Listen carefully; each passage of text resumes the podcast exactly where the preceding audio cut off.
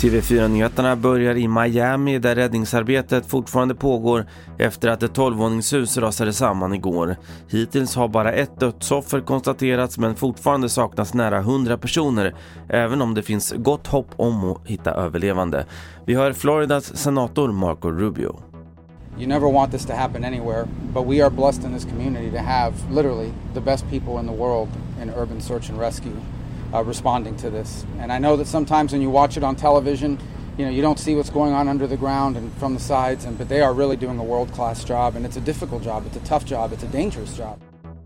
Sverige. Många skönhetssalonger utför behandlingar med bland annat botox och fillers trots att personalen inte är legitimerad. Det visar en marknadskontroll av Konsumentverket. Bara en fjärdedel av salongerna utförde behandlingarna med personal som är legitimerad för ett yrke inom hälso och sjukvård. Sist om att bara ett fåtal intensivvårdsavdelningar har behövt prioritera bort annan vård på grund av pandemin. Det visar en enkät som Ekot gjort. Endast 5 av 52 sjukhus säger att deras IVA tvingats välja bort vård och då har det bland annat handlat om assistans till andra avdelningar. Det här var TV4-nyheterna. Jag heter Carl-Oskar Alsen.